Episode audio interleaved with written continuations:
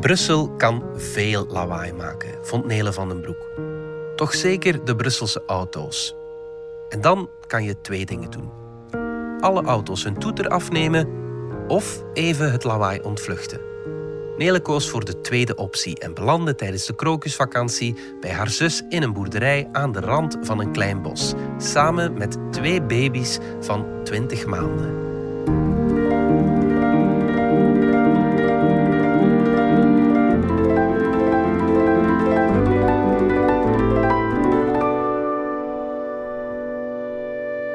Als u de toeter van uw auto eens terdege wil proberen, dan ken ik daar de geknipte plek voor.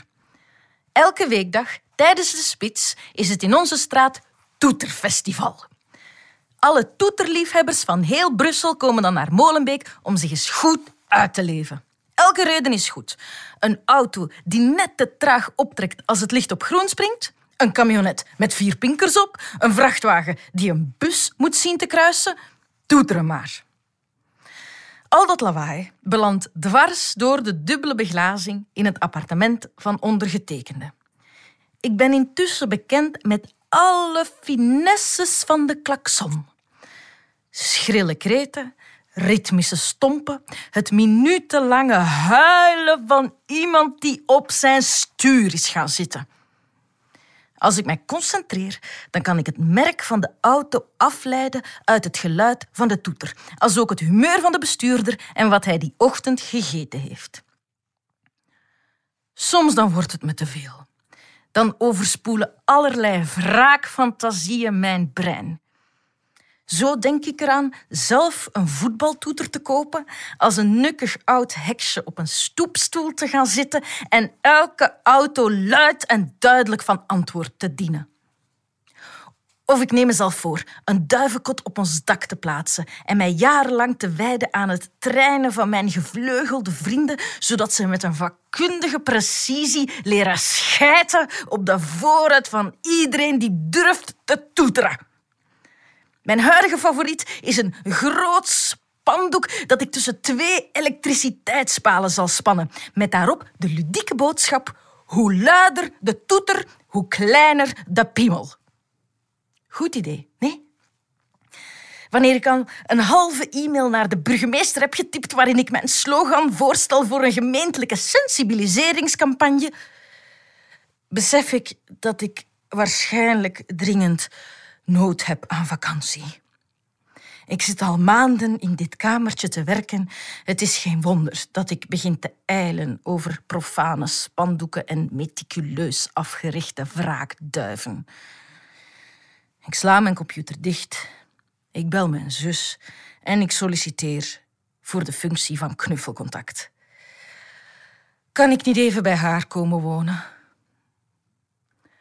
Godzijdank zegt mijn zus. Ja, kom maar af. Mijn zus kreeg twintig maanden geleden twee identieke baby's voor de prijs van één. Die zijn intussen uitgegroeid tot een stel peuters met een eigen willetje van gewapend beton. De tweeling is ziek, zegt mijn zus. Ze mogen niet naar de crash. Het goede nieuws?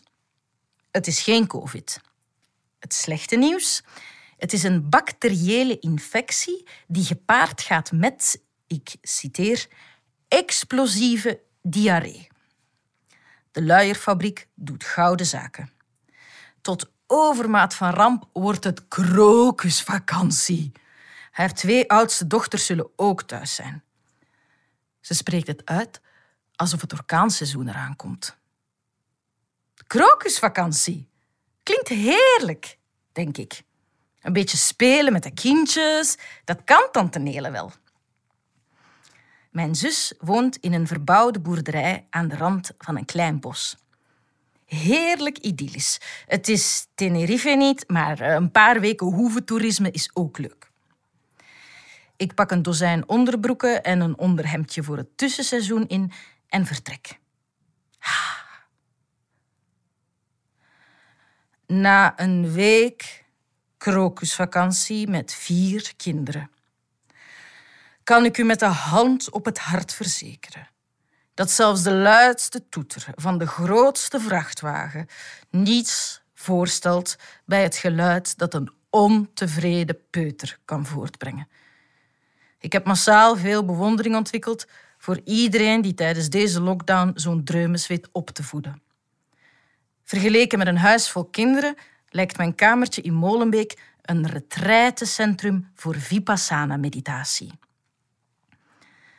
Wanneer ik uiteindelijk alle jasjes, mutsjes, wandjes en laarsjes heb weten aan te trekken en een tweelingbuggy heb volgeladen voor wat een vredige wandeling moest worden, blijkt het bos overvol te zitten met andere coronatoeristen. Puffende joggers, hardhorige wandelaars, slingerende fietsers. Het is file in het bos. Probeer je daar maar eens een weg door te banen met zo'n dubbele kar. Even denk ik eraan de kinderen te verkleden met opplakbaarden en pinnenmutsen, mezelf en de buggy te vermommen als een grote paddenstoel, rood met witte stippen, en ons te voorzien van pancartes. Stilte in het bos, de kabouters willen slapen. Maar dan blijkt er alweer een pamper vol te zitten. Ik keer de buggy om, terug naar het aankleedkussen. Ik heb soms van die ideeën voor ludieke protestacties. Maar ja,